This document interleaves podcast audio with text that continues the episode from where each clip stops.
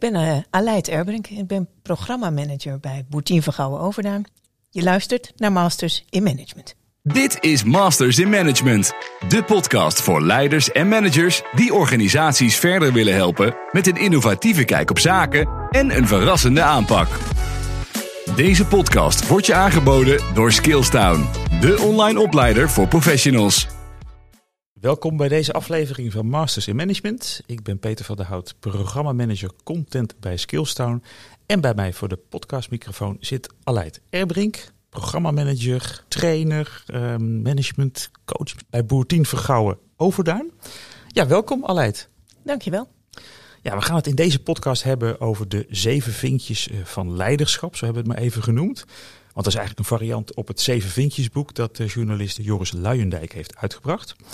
Uh, maar eerst, zoals altijd in deze podcastreeks, uh, hebben we eerst een aantal algemene vragen over leiderschap en management. Uh, misschien een moeilijke vraag, maar kan je heel kort, in, in één minuut zeg maar, jouw kijk op goed management en leiderschap geven? Ja, je noemt daar al twee woorden. Dat is ook altijd een interessante. Wat noemen we nou leiderschap en wanneer is het nou management? Ja. Uh, binnen Boetien Vergouwen Overduin hanteren we een uh, leiderschapsmodel. Uh, wat gebaseerd is op de concurrerende waarden van Quinn. Waarin we de leider en de manager onderscheiden op een aantal facetten. En de leider is dan degene die richting geeft en inspireert en ook op de toekomst ingestoken is. Ja. En de manager is degene die dan vooral zorgt dat ook de resultaten gehaald worden.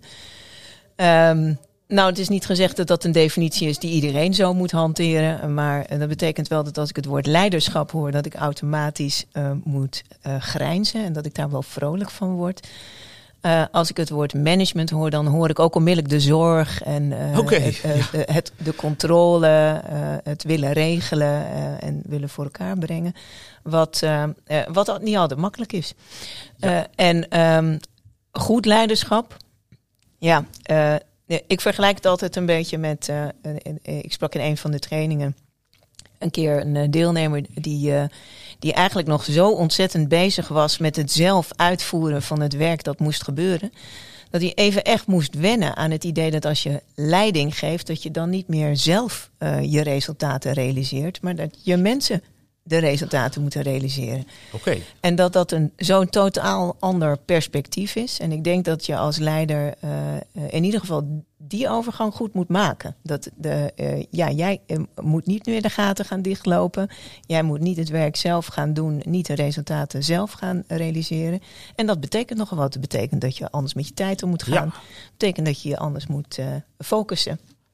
Ja. Dus dat je je rol op een hele andere manier moet vervullen. En zelf taken uitvoeren vraagt gewoon echt andere kwaliteiten dan mensen leiden en verleiden tot het uitvoeren van de dingen die moeten gebeuren. Ja, nee, dus je geeft ook al heel duidelijk gevoelswaardeverschil tussen die twee woorden, leider en manager. Ik denk dat we dat ons allemaal wel wat bij kunnen voorstellen.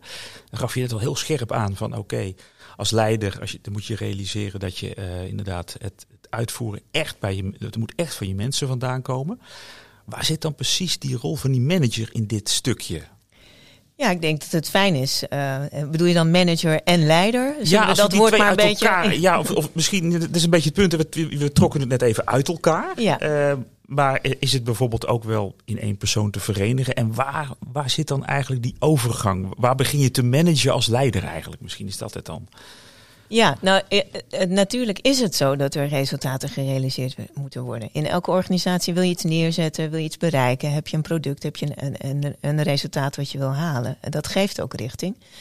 Um, en als, uh, als manager, en dan richt ik me even op zoals we hem formuleren vanuit het leiderschapsmodel.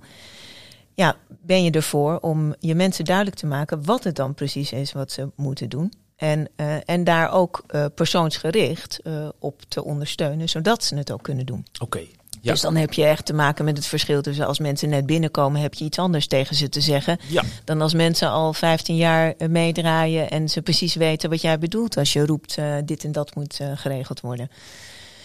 en ik denk dat het sowieso heel belangrijk is dat een manager zich bewust is van nou ja, de, de, dat, dat het goed is om de bedoeling en het doel van, van de klus uh, helder te maken. Ja. Uh, en afhankelijk van hoe uh, vakbekwaam iemand al is, meekijken in hoe ga je dat dan aanpakken? Juist, ja. ja. En als je nu kijkt, want je komt bij heel veel organisaties in Nederland, van wat zo'n beetje het, het gemiddeld niveau is van, van leiderschap in Nederland. Er is natuurlijk veel discussie over. Wat, wat is jouw mening daarover? Hoe, hoe staan we ervoor? Ja, dat is al heel interessant. Want uh, als jij het woord niveau noemt, dan denk ik, ja, ja dat zou suggereren dat, dat, een, dat er een, een, een lat is waar je mensen tegenaan kan zetten. Ja. En dat dat een heel eenduidig verhaal is. Ik denk dat het heel ingewikkeld is om daar één lat tegenaan te zetten. Dus ik vind zelf eigenlijk dat heel veel mensen heel veel goede dingen doen. Uh, ook als uh, leider of als manager van een organisatie. En er zijn zoveel factoren waar je rekening mee hebt te houden. Als het gaat over verschillende organisaties, verschillende contexten, ja. verschillende uitdagingen. En hele verschillende mensen waar je leiding aan geeft. Dat, ja, dat speelveld is zo onwijs divers. En ik geloof dat iedere, iedereen die leiding geeft, ongetwijfeld een heel palet aan dingen goed doet. En dat er ook uitdagingen zijn. En, uh, en ik denk dat als je kijkt naar de teneur waar we met elkaar momenteel in zitten, wat toch best een ingewikkelde en complexe tijd is. Ja. Waarin er veel gebeurt. Veel gebeurt in de wereld, veel gebeurt in mensen. maar zeker ook tussen mensen. dat, je, ja, dat je wel als leider gechallenged wordt op dat je dat allemaal meekrijgt en, en ook daar voldoende aansluiting bij hebt. Maar dat ook weer praktisch kan maken en kan toepassen in je eigen rol op je eigen plek. Ja. En uh, je ziet dat dat op hele verschillende manieren gebeurt. maar ik geloof dat dat wel, als je kijkt naar wat is op dit moment de stand ja. Uh, en dat dat wel een proces is wat, uh, nou ja, wat zich langzaam ook aan het voltrekken is. En wat ook een soort van besmettelijk is. Uh, dat de gesprekken die we erover voeren met elkaar ook een steeds dat terrein wel raken. Hoe, ja, hoe je omgaat met diversiteit, hoe je omgaat met veiligheid binnen je organisatie. Ja. hoe je daar het best leiding aan kan geven en wat dat ook voor jezelf betekent. We zitten misschien wel in een soort van transitie met, met, met z'n allen ja, en ik geloof ook niet zo heel erg, um, want de, ook daarvan zou je kunnen zeggen dat heeft een begin en een eind. Ja, zo maar dat hoor je ja. mij niet zeggen. Nee, precies. Dus misschien is het wel gewoon een weg die we gewoon voortdurend met elkaar aan het lopen zijn. En aan het, ja, aan het bij. Het, is, het staat nooit stil eigenlijk. Dat nee, het is denk ik een, een doorlopend proces. Ik had van de week nog een interessant gesprek over met iemand die inderdaad binnen de organisatie waar ze in werkt een, een behoorlijke transitie moet uh, bewerkstelligen. Maar dat we het er ook over hadden dat het ook gewoon allemaal een beetje, ja, wat ze dan in het Engels een beetje mushy. Uh, het wordt allemaal een beetje onduidelijk. Waar, ja. waar begint het een, waar eindigt het ander? En uh, sowieso een veranderingstraject van A naar B uh, heb ik al in geen eeuwen gezien. Nee, ook. Nee. en over het algemeen gebeuren er alweer drie andere dingen voordat je B überhaupt bereikt hebt, waardoor het proces toch weer met een andere wending doorgaat. Ja hoe belangrijk het ook is om, om overgangen en successen te markeren in zo'n proces. Um, stilstand, uh, nee, ik geloof niet dat we daar ooit nog in terecht gaan komen, nee. Peter. Maar gelukkig is het stilstand achteruitgang, zeggen we ook wel eens. Hè? Dus wat dat betreft is dat, is dat positief. Het brengt ons wel inderdaad bij, uh, bij het onderwerp van deze podcast. Hè? Het, uh, het boek De Zeven Vinkjes van journalist Joris Luijendijk. En hierin beschrijft hij het fenomeen dat, dat mannen zoals hij zelf de meeste kans hebben om in Nederland op belangrijke posities te komen. Zoals een goede baan of een hoge bestuurs- of managementfunctie. Dus ja, de, de gedachte is een beetje van zien we die vinkjes ook terug bij leidinggevenden, in, ja, met name ook in het uh, bedrijfsleven. Uh, als ik dan even bij het eerste vinkje begin, een man. in hoeverre kost het op dit moment dan vrouwen nog steeds extra moeite om belangrijke managementposities te, te bekleden? Hoe, hoe, staan we er wat dat betreft voor? Wat is jouw ervaring daarmee? Ja, dat is al een interessante vraag. Nou, eerst even over het. Ja, laten we uh, deze podcast niet beschouwen als een boekbespreking. Nee, het was Wat? even puur een aanleiding. Ja, hè? Uh, ja. Dus, dus daarin even in het kader van het managen van de verwachtingen. Ja. Uh, Um, want het, het, boek van de zeven vinkjes triggert iets. En triggert iets wat we uh, om ons heen, denk ik, uh, ja, wat tot mooie gesprekken kan leiden. En um, uh, ja, als het gaat over mannen in de top en vrouwen in de top, dan um, ja, dan kom ik regelmatig in gesprek met mensen die zich daar ook nadrukkelijk in verdiepen. En die ook echt aangeven, het is nog niet genoeg. En het is nog steeds moeilijk, het is nog steeds moeizamer. het wordt ook nog steeds minder goed betaald als je als vrouw in de ja. top zit. Dus we zijn echt waar ik in, in mijn, nou ja, zal ik zeggen, blonde positieve onnozelheid af en toe kan denken van nou, ik zie er best wel heel veel en volgens mij zijn we al een heel eind. Natuurlijk zijn we onderweg en er gebeurt ook heel veel. Ja. Maar de manier waarop we erover praten en over denken is nog steeds niet voldoende het in, in, de haarvaten van grote organisaties doorgedrongen. En het vraagt nog steeds aandacht. En waar, waar, ligt het eigenlijk aan? Want op zich zijn we ons toch best wel bewust van, zou je denken. Er wordt, er wordt echt heel veel aandacht aan besteed. Nou ja, je kunt er ook behoorlijke discussies over voeren. Wat nou de beste manier is om daar beweging in te krijgen. En eigenlijk, uh, ja, ik, dat heb je inmiddels ook wel. Uh, je kent me ook wat langer dan vandaag. Uh, wel door dat ik nooit geloof dat er één beste manier is. Um, maar er zijn denk ik heel veel verschillende manieren waarop je daar beweging in kan krijgen. En het meest, uh, want dat is ook wat, dat, wat in het boek van uh, Joris Luijendijk, wat mij betreft, een, een, een, mooie boodschap is. Eigenlijk merk je het pas in de gesprekken die gevoerd worden. En uh, uh, nou ja, om met Graaf te spreken, je ziet het pas als je het ja. door hebt. Uh, dus dit zijn echt ingewikkelde dingen. Op het moment dat je eigenlijk van de overtuiging bent, ja, maar het is allemaal wel prima, dan is dat ook de manier waarop je kijkt naar de omgeving. Mm. En dan krijg je daar ook heel veel bevestiging voor. Terwijl als je echt doorpuzzelt uh, in, nou als je de cijfers ziet, dan zijn de cijfers nog niet helemaal wat ze zouden moeten zijn. Ja, ja. Uh, uh, maar zit het hem vooral in, um, hoe maak je nou de keus of iemand wel of niet de kans krijgt? Hmm. En um, uh, dat begint al heel jong. Hè? Dus dat begint al, er zitten al heel veel andere dingen onderweg die er gebeurd zijn voordat je op een positie komt waar je invloed kan hebben. Ja.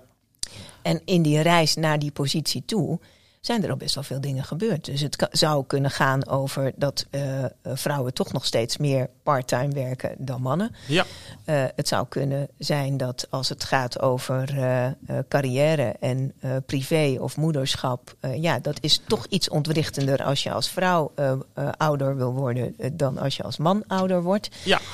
Uh, en de consequenties die daar en de spelregels die daaromheen hangen, zijn natuurlijk uh, mede uh, op dit moment ter discussie. Wat doen we bijvoorbeeld met ouderschapsverlof voor mannen ja. en hoe gaan we daarmee om? Wat dwingen we daarin af? Wat leggen we daarin als verplichting neer? Of waar? nou ja, en in ieder geval het gesprek daarover voeren brengt al wat dingen op gang. Ja. En uh, uh, ik denk dat uh, we zijn denk ik heel goed bezig.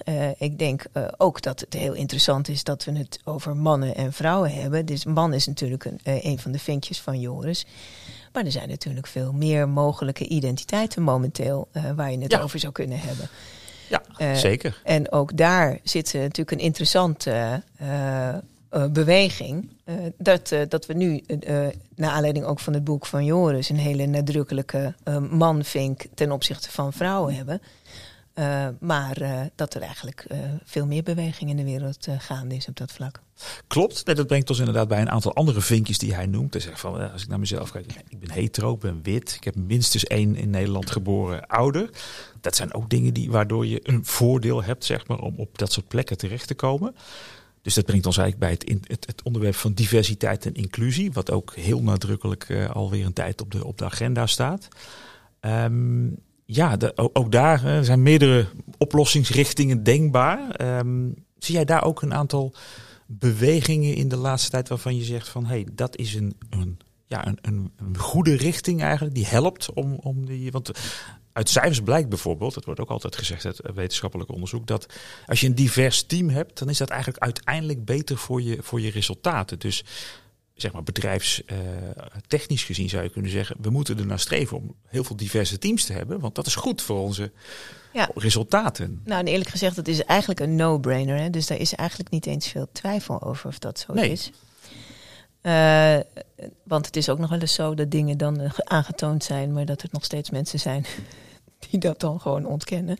Dat, ja, dat uh, gebeurt ook. Ja, ja. maar ja, streven naar diversiteit is makkelijk op het moment dat je daar de ruimte voor hebt en ook voor jezelf niet voelt. Hé, hey, maar ik heb eigenlijk helemaal geen vertrouwen in deze persoon. Of ik zie deze persoon eigenlijk helemaal niet doen wat ik denk dat hij zou moeten doen. Ja, ja. Uh, dat als mensen anders zijn, dan levert het discomfort op. Ja. En dat is precies waar, de, waar dit boek natuurlijk over gaat. Uh, dat uh, als je van die vinkjes hebt, dan heb je zoveel historie, zoveel gebruiken, zoveel onuitgesproken spelregels in jezelf, uh, die, die je herkent in een ander, dat dat automatisch leidt, want herkenning leidt tot verbinding. Dat ja. de, de, ons, ons menselijk systeem is gewoon ingestoken op uh, als het hetzelfde is, dan is het wat ik verwacht. En als het is wat ik verwacht, dan ben ik gerustgesteld. Ja, ja. Dus dan heb ik geen paniek. En als het anders is dan ik verwacht, ja, dan, uh, dan komen de denkrimpels, dan wordt het even moeilijk. Dan gaat ja. het, zoals mensen dan noemen, dan gaat het een beetje schuren, dan gaat het een beetje kraken. En dan moet je dus ergens overheen, uh, omdat je, denk je, je gevoel eigenlijk aangeeft, ja, dit, dit is niet heel erg leuk. Of dit is niet heel erg soepel. Dit voelt niet helemaal goed. Of voelt ja, niet ja, helemaal. Ja, He, dus we, we hebben eigenlijk een. Het, het, het, het, ik vond, vind het zelf een interessante beweging. Dat we aan de ene kant uh, um, uh, iets van een boodschap over kwetsbaarheid en intuïtie uh, promoten. Ja. En aan de andere kant ook deze uh, uh, lijn uh, heel nadrukkelijk ook aangeeft: ja, als je alleen maar gaat op je gevoel, en je hebt eigenlijk nog niet eens onderzocht waar je intuïtie op tikt en of je dat, uh, uh, uh, of je dat een beetje um, inclusief kan aanzetten. Ja. Dan, dan, als je op je gevoel ga, afgaat, dan, dan ga je dus vanzelf discrimineren. Als je, ja. Hè, ja. Dus eigenlijk, wat ook de mooie uitspraak is: if you have a brain, you're biased. Dat is gewoon zo. Ja. En dat betekent dat als je gaat voor gemak, als je gaat voor het klikt, wat Ja. we toch heel vaak eh, zeggen en wat we ook heel vaak zien als een pluspunt. Ja, we hebben een match. Zo. we hebben ja. een match, Ja. ja, we- dat haalt je de koekoek. We hebben een match op historie, we hebben een match op allerlei dingen, die we, we- dezelfde spelregels die we bij elkaar herkennen. En dat denken we dat we makkelijk samenwerken. Dat is ook vaak wel zo. Maar makkelijk betekent niet altijd dat het beste resultaat eruit komt. Nee. En, en de spier die we natuurlijk met z'n allen te trainen hebben, is de spier die juist de beweging maakt tussen jou en de ander. Die juist ook onderzoekt van hoe kijk je daar dan tegenaan en wat heeft daar dan allemaal mee te maken. Ja, ja, want je zei ook al verbinding. Dat vind ik ook wel een mooie. Dat hoor ik ook vaak terug van. Ik wil eigenlijk, ik zoek, ik zoek de verbinding, ik wil meer verbinding. En je gaf eigenlijk al aan, op het moment dat je dus inderdaad meer mensen om je heen verzamelt die lijken op jezelf of die een bepaalde eh, overeenkomstige voorgeschiedenis hebben, dan heb je dus de neiging automatisch, instinctief, om daar eigenlijk al de voorkeur aan te geven. En dan ervaar je dus meer verbinding. En op het moment dat je juist die diversiteit probeert te stimuleren, dan zorgt dat voor dat discomfort. Dus eigenlijk is, de, is dat ik zoek verbinding ook misschien wel een beetje een verkeerde benadering in eerste instantie. Uh, nou, voor, gevaarlijk voor, misschien. Verbinding is denk ik heel erg belangrijk. Uh, uh, alleen verbinding vanuit wie jij bent met wie de ander is. Hmm. Dus uh, verbinding hoeft niet alleen maar te bestaan. Juist als er iets te overbruggen is, kan je nog prima uh, verbinden. Ja, oké. Okay. Uh, dus dus, dus um, het is wel. Ik denk dat je er goed aan doet om jezelf te trainen. Om je te verbinden met perspectieven die anders zijn dan die ja, van jou. Okay, ja, En uh, dat is makkelijker naarmate dingen ietsje verder van je afzitten. Hè? Dus als het gaat over uh, feitelijkheden of bepaalde keuzes in hoe pak je iets aan, dan is dat misschien nog wel makkelijker dan als het gaat over thema's waar krijg je vertrouwen uit of waar geloof je echt in. Naarmate dat dan dichter bij je komt, uh, uh, komt het ook in de buurt van waar je bang voor bent ja. ja. en waar je zorg om hebt of waar je kwetsbaar bent. Ja. En dan is het onwijs lastig om nog op een goede en verbindende manier met elkaar in, in contact te blijven. Omdat je gewoon zelf gekwetst bent of, ja. of ergens ja. ja, een, een, een, een haakje voelt. Ja, ja, het, het, doet me ook wel denken aan wat ook altijd wel als advies wordt gegeven aan, uh, aan managementteams van, uh, en aan CEO's in het bijzonder van organiseer je eigen tegenspraak. Hè. Verzamel niet alleen, ga juist op zoek minimaal naar een aantal mensen waarvan je weet op het moment dat ik iets voorleg, dan zal, dan zal er altijd een kritisch geluid terugkomen. Niet zomaar ja en amen. Ja, ja en, en de, gelukkig zijn er steeds meer mensen die dan in tweede instantie in ieder geval het geluid nog wel eens door hun hoofd laten gaan en daar proberen om daar vorm aan te geven. Maar de eerste reactie op een kritisch geluid is meestal niet die van, goh, wat leuk dat je er tegen bent. Ja, dus dus, dus dat, da- dat is toch een, eh, ehm, dat is toch een, een, een vaardigheid die je, die je aan te leren hebt. Waar je, denk ik, op dit moment in, in de huidige tijd als leider echt goed aan doet om te leren hoe ga ik daar op een, op een goede, verbindende manier mee om. Eh, en hoe ga ik het conflict, wat er dan ook onder ligt, niet uit de weg? Hè? Dus wat, wat in, in Lencioni, als het gaat over eh, eh, de frustraties van teams, Ja. Natuurlijk een van de basislagen is. Hè? Dus de, de- dat je op een gezonde manier een conflict aan kan gaan. Dat Ja, je kan ja. zeggen waar je anders over denkt. Dat je kan zeggen waar je anders tegenaan kijkt. Zonder dat je dan gelijk tegenover elkaar komt te staan. Maar dat je gewoon met elkaar kan verkennen. Wat betekent dit dan voor onze gezamenlijke kijk op deze realiteit? Ja, nou, dat lijkt me al meteen een hele goede tip voor, eh, voor deze podcast. Om dit inderdaad eh, bij managerleidinggevende leiders, om dit inderdaad even goed in hun achterhoofd eh, te houden. Dus die, die hebben we al, al binnen. Nou, dan vind je ze toch nog een beetje af te maken. Wat natuurlijk ook wordt genoemd is ja, je afkomst, hè, hoogopgeleide of welgestelde ouder. Je gezinssituatie. Ehm, zie je daar ook nog eh, dingen van terug? Eh, ik moet nu in één keer ook denken aan eh, wat je ook vaak wel, wel, wel, merkt bij als mensen zich aan het ontwikkelen zijn. De, de, de gezinssituatie ooit van, van, van huis uit. Dat je die eigenlijk ook vaak meeneemt naar je, naar je, je werkomgeving, zullen we maar zeggen. Is dat iets wat jij ook in, in organisaties nog wel vaak meemaakt als jij mensen eh, traint daarin? Nou, wat, wat, het, wat ik het meest interessante daaraan vind, is dat ehm, die is er gewoon. Dus je neemt hem mee. Ja, En hij maakt je tot wie je bent. Het zijn allemaal ehm, ja, het zijn ervaringen die jou maken tot de mens die je bent. Met eh, alle plussen en minnen die Ja, daarbij horen. En eh, je kan in ieder geval, nou, het is al heel fijn als je zelf je realiseert van hé, hey, maar hier kom ik vandaan en dit heeft dat voor me betekend. ja. Maar het is natuurlijk ook heel prettig als je binnen een team veel met elkaar samenwerkt, dat je van elkaar een beetje weet van nou, wat zijn nou de knoppen? Ja, Eh, wat is ja. nou de historie die hieraan vasthangt? Waar wordt het echt spannend voor iemand en hoe kan ik iemand dan helpen? Eh, dus alleen al om mensen daarin beter te leren kennen en begrijpen, denk ik dat het soms echt de moeite waard is om dat soort verhalen eh, met elkaar te delen. Ja. En ehm, nou ja, wat we net al zeiden, niemand is, eh, is zonder dat filter. Dus we bouwen vanaf dat we geboren, en daarvoor eigenlijk ook al, bouwen we gewoon aan filters die ons aan de ene kant de mogelijkheid geven om de wereld behapbaar en, en, en eh, betreedbaar te maken. Maar aan de andere kant er ook voor zorgen dat we ons gaan afscheiden van eh, anderen. Ja. Dat hele duale principe, ja, dat helpt ons uiteindelijk niet zo heel erg. Nee. Dus dat als ik eh, hier sta en jij daar, zijn we tegen elkaar. Ja, dat is eigenlijk niet, dat is niet heel, heel erg helpend. Eh, eh, Als ik hier sta en jij daar, dan staan we gewoon op verschillende plekken. Maar dat heeft helemaal niets te maken met dat we tegen elkaar zouden moeten zijn. Nee, precies. Nee, nee. Dus dus terwijl dat toch wel een perspectief is wat we, nou ja, wat we bedoeld of onbedoeld vaak voelen. Dus als iemand, ja, daar zijn we vaak gevoelig voor. Dat als iemand een opmerking maakt over hoe we dingen doen, dat we het ervaren als een afwijzing.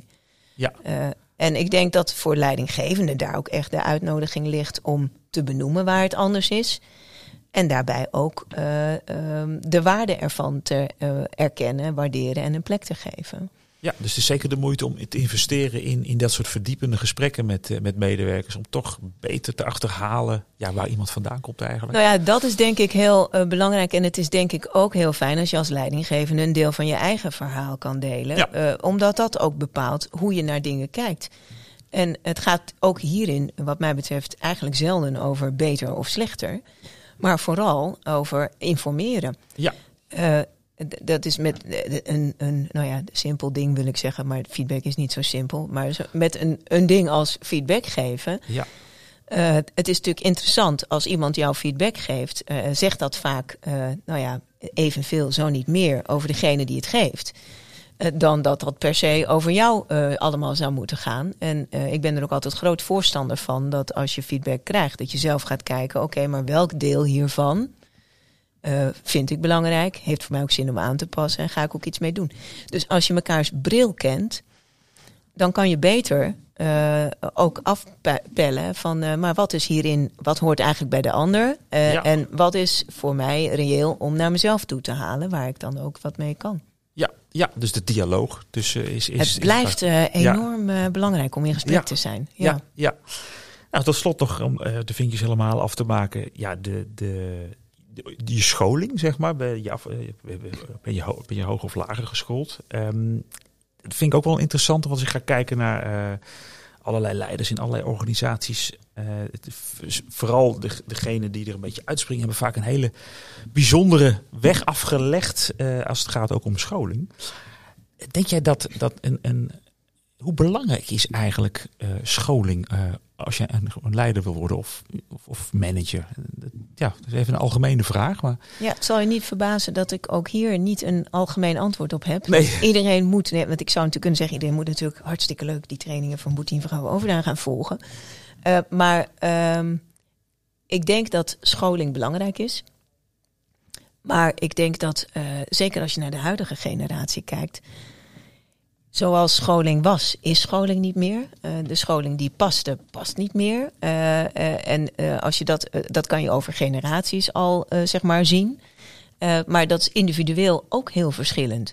Dus we hebben allemaal zo een verschillende manier waarop we onze dingen eigen maken en waarop we ons ontwikkelen. En we beginnen natuurlijk op een heel verschillend uitgangspunt. Ja, ja. Uh, uh, sommige mensen worden al wijs geboren, zal ik maar zeggen. Ja, ja. Uh, en dan kan je je afvragen of scholing soms niet meer kwaad dan goed doet. Hè? Dus daarin ja. zitten ook wel. Um, ik vind dat je daar veel vragen over kan stellen. Ik vind scholing zeker niet heilig. Maar ik zie wel dat verschillende niveaus van scholing of ja, als het gaat over bijvoorbeeld conceptueel vermogen, als het gaat over uh, de dialoog voeren. Je, je kunt natuurlijk veel dingen leren. Het is ook belangrijk dat je blijft leren. Ja. Uh, maar ik ken ook geen mens. Uh, ja, ieder mens leert. Ja. dus alleen, wat vind je dat mensen in ieder geval moeten kunnen en moeten weten en geleerd moeten hebben in vaardigheden, houding, gedrag? Om op een goede manier hun rol te kunnen vervullen. Ja, daar kan je wel wat dingen over zeggen. En sommige dingen komen mensen uh, ja, komen onder je huid te zitten doordat je gewoon in de praktijk meters maakt en daar gewoon toevallig of niet toevallig de goede mensen in tegenkomt die je ja. steunen, die je inspireren en waar jij je, je gedragrepertoire mee uit kan bereiden. En voor andere mensen die, uh, die lezen boeken en die worden daar steeds wijzer van en, en brengen dat zelf in de praktijk en, en doen, het, doen het daarmee. Dus de, er zijn zoveel verschillende manieren waarop je wijzer kan worden. Dat ik. Um, uh, en die zou ik eigenlijk allemaal onder, onder uh, uh, scholing willen, willen, ja, willen plaatsen. Ja, ja. We hebben inderdaad, ik, ik had het natuurlijk net heel erg over de klassieke scholing. Nou ja, de, de theoretische en ja. de praktische manier waarop we opgeleid zijn, hebben nog steeds wel een soort connotatie van beter, slechter. Ook daar, dat hele duale element helpt ons gewoon niet. Dus er zitten echt waardes uh, in allerlei soorten van wijzer worden en, en, en je repertoire uitbreiden. Ja. En uh, ik geloof zeker dat als het gaat over het ontwikkelen van vaardigheden, dat het nog steeds heel nuttig en nodig is dat je ze gewoon in de praktijk brengt en dat je daar ook concreet feedback over krijgt. Ik geloof ook dat het echt wel uitmaakt van wie je dan feedback krijgt. Ja. Uh, uh, en hoe. dus, dus daar zijn heel veel variaties op mogelijk. Maar ik denk dat als het gaat over vaardigheden, dat we, dat we allemaal wel weten dat je dat gewoon in de praktijk moet brengen en dat je dat gewoon moet doen. Maar het snappen en begrijpen welke elementen allemaal van belang zijn. Ja, dan helpt bijvoorbeeld het, het, lezen van zijn boekje weer op gang. Dat brengt je ook weer allerlei ja. perspectieven bij. Ja. Dan ga je weer eens uh, op een, uh, een, een, workshop. Dan ga je weer eens aan de bak met trainingsacteurs. Of je, ja, of je hebt gewoon jouw goede gesprekken met mensen van verschillend pluimage. Ja. Enorm leerzaam. Ja, nou, dat lijkt me een heel, hele goede afsluiting van, van dit blok. En uh, na de volgende mededeling praat ik met Aleid verder over haar grootste successen en missers. Dus blijf luisteren. De moderne manager moet van alle markten thuis zijn en continu blijven leren. Met de online trainingen uit het Get Skilled Manager abonnement ben je altijd up-to-date. Ga voor meer informatie naar www.skillstaan.nl/manager. Successen en missers. Ja, Aleid, jouw grootste successen en missers, en dat kan zowel professioneel als privé, wat je wil.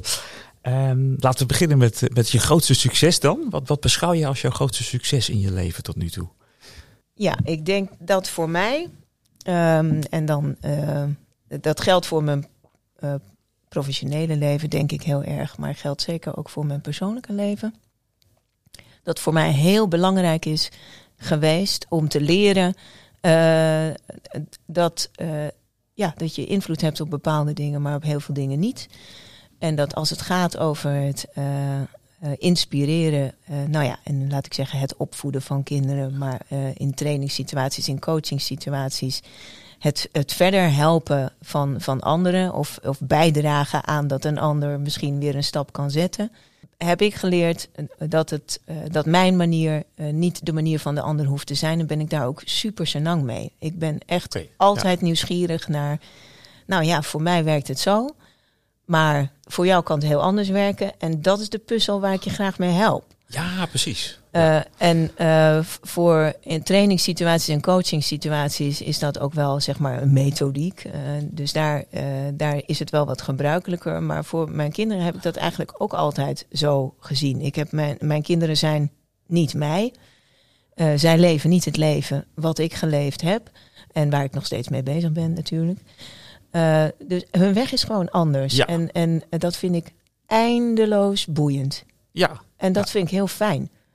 Dus Ja. ik ben denk ik goed in staat geweest om mijn kinderen daarin ook erg in hun waarde te laten. En uh, ik hoop dat ook nog heel lang te kunnen doen. Ja, nou dat lijkt me een heel duidelijk succes, absoluut. En ja, wat, is, wat zie je dan als je, als je grootste misser? Ja, ik denk een van de dingen waar ik nog wel eens uh, de mis mee inga. En ik heb niet specifiek één, één situatie voor ogen, maar er zijn wel een paar die me op mijn netvlies voorbij flitsen. Uh, ik kan onwijs enthousiast zijn over dingen. Ja, en, en als de, zoals ik het dan maar even formuleer, als de van binnen naar buiten beweging. Dus als ik lekker aan de klets ben en ik ben enthousiast ergens over en ik ga helemaal los op dat ik ergens erg in geloof, dan doen de ingangen het niet meer zo goed. Dus dan kan ik ook echt wel uh, zo enthousiast zijn over iets wat ik bedacht heb of over iets waarvan ik denk dat het een heel goed idee is dat ik er helemaal geen rekening mee hou dat een ander daar nog helemaal niet is. Oké. Okay. uh, ja. En misschien ook wel nooit gaat komen, want ja. misschien is het wel helemaal geen, niet zo'n goed idee. Hè? Dus, dus mijn enthousiasme kan nog wel eens op de loop gaan met mij. Ja, ja. En dan, uh, ja, als, de, als ik bezig ben om van binnen naar buiten te communiceren, dan van buiten naar binnen communiceren gaat niet tegelijkertijd. Oké, okay, nee, uploaden en downloadsnelheid, het gaat dan, uh, het, het ene verdringt het andere dan. Ja, ja, blijkbaar gebeurt dat bij mij in hetzelfde kanaal en dat kanaal is dan bezet, zullen we zeggen. Ja, oké. Okay. nou, dat vind ik hele duidelijke, maar eigenlijk ook wel weer positief. Het is een soort van overenthousiasme zou ik kunnen ja, zeggen. Maar ja, maar overenthousiasme, dat brengt je ook niet altijd waar je wezen wil. Nee, ik bedoel, nee, dat, ik geloof wel dat, dat, mijn manier van, van leiderschap is meer het inspirerend leiderschap. Ja. Hè? Ik ben uh, niet een goede manager, vrees ik. Uh, maar ik kan mensen wel inspireren door, door zelf enthousiast te zijn en ook geïnteresseerd te zijn in de ander. Dus het gaat heel lang gelukkig wel samen op. Maar als ik eenmaal los ga, dan, uh, nee, dan moet ik af en toe achteraf wel eens constateren. Nou, ik was wel een beetje buiten bereik. Oké. Okay. Management dilemma's. Ja, dan heb ik ook nog een paar uh, management dilemma's voor je. Dus dat betekent dat je moet kiezen. En het zijn natuurlijk dilemma's, dus dat, eigenlijk is het niet goed te doen. Maar goed, je wordt dan toch gedwongen, maar je mag het ook wel toelichten. Uh, eerste dilemma, uh, is ook al een beetje voorbij gekomen tot nu toe. Praktisch of theoretisch? Ach.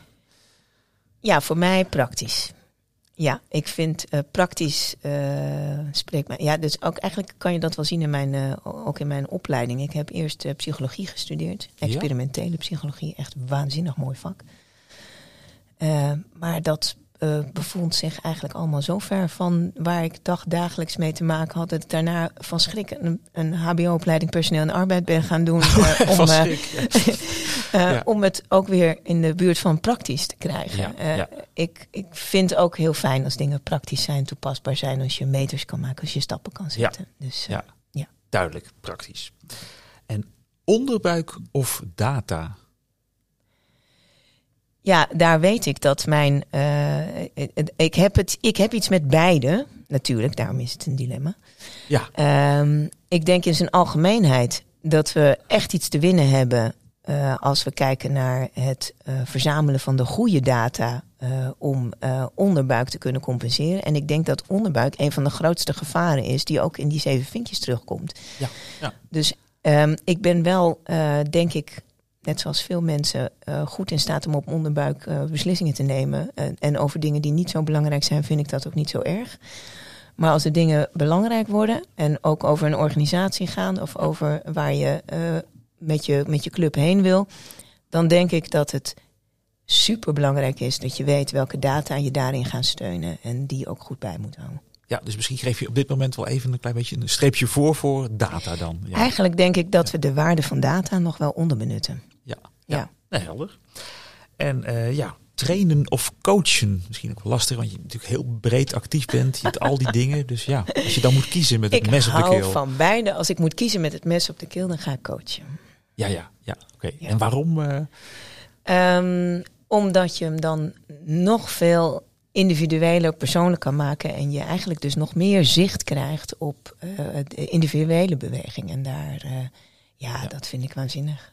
Ja, kom je mooiste toch bij die is. psychologie terecht ook wel weer meer, denk ik. Ja, ja. Nou ja, ik hou gewoon van mensen. ja precies. Ja. Maar ook de groepsetting. En het is echt ook iets anders. Dus ik vind het fijn dat je dat als dilemma neerlegt. Want trainen eh, is echt iets anders. De- om het groepsleren aan te zetten. Ja, Vraagt gewoon andere vaardigheden. Moet je echt andere dingen doen. ja, ja nee, precies. Het is echt Ja. wat anders. De gouden management tip. Ja, en aan het einde van de podcast altijd een soort van samenvattende tip. Eh, dat mag ook wel iets uitgebreider zijn hoor. Maar als je inderdaad nu, eh, we hebben het natuurlijk over die, die zeven vinkjes, valkuilen zo je wil, eh, gehad. Als je nou een tip zou willen geven voor, voor managers en leiders die, die, die denken, nou ik moet toch inderdaad meer gaan opletten. Ik moet die valkuilen zien te vermijden. Als ik ga kijken naar ja, posities in mijn organisatie en mensen die willen doorgroeien of überhaupt het, het aannemen van mensen op plekken. Welke tip zou je ze dan willen meegeven om dat ja, beter te doen? Dat, dat hangen natuurlijk verschillende dingen met elkaar samen. Ik denk dat de tip wat mij betreft zou zijn... op het moment dat je eh, merkt dat je primaire reactie op iets wat iemand zegt of doet... een afwijzing is... dat je dan als leider gaat onderzoeken... wat geeft dat gevoel? Oké, En, en zie je een mogelijkheid om in ieder geval nog te onderzoeken wat er gebeurt bij de ander, in plaats van dat je het afwijst en je ervan afkeert. Hmm, ja, ja, En dat klinkt misschien eh, eh, ja, wat, wat zweverig, maar dit, ik denk dat we, ehm, dat we te weinig eh, blijven stilstaan bij wat het signaal is wat, we, wat, er- wat, er, eh, ja, wat op tafel ligt op het moment dat je eigenlijk je primaire reactie een afwijzing is. eh, dat we het te vaak gewoon aannemen dat het dan dus niet goed is. Eh, terwijl daar eh, onderzoek nodig is, denk ik altijd. Ook in het kader van dat de wereld een beetje duaal ingericht is. Hè? Dus Ja. je bent of dit of dat. En als je dit niet vindt, dan ben je daar tegen. eh, en dan sta je tegenover mij. Ik denk dat we voor, als leiders echt te onderzoeken hebben hoe kunnen we de beweging naar de ander toe blijven maken. Ook als we onze primaire reactie van afwijzing herkennen. ja, Hoe kunnen we daar overheen stappen en, eh, en toch onderzoeken, verkennen waar de gezamenlijkheid eh, van de toekomst kan liggen. ja. Nou, dat lijkt me een hele, hele concrete tip. Eh, bedankt, Aleid. Ja. Nou, en inderdaad bedankt voor al jouw inzichten rondom, rondom dit onderwerp. En eh, hiermee eh, zijn we bijna aan het einde van deze podcast. Maar ben je nou op zoek naar nog veel meer kennis en inspiratie voor managers? Dan kun je terecht op het online kennisplatform van Skillstown. Kijk daarvoor op skillstown.nl slash cmba. Wil je reageren op deze aflevering of heb je suggesties voor gasten? Laat dan je review achter op je favoriete podcast app of stuur een mail naar podcast.skillstown.com. Bedankt voor het luisteren en tot de volgende aflevering van Masters in Management.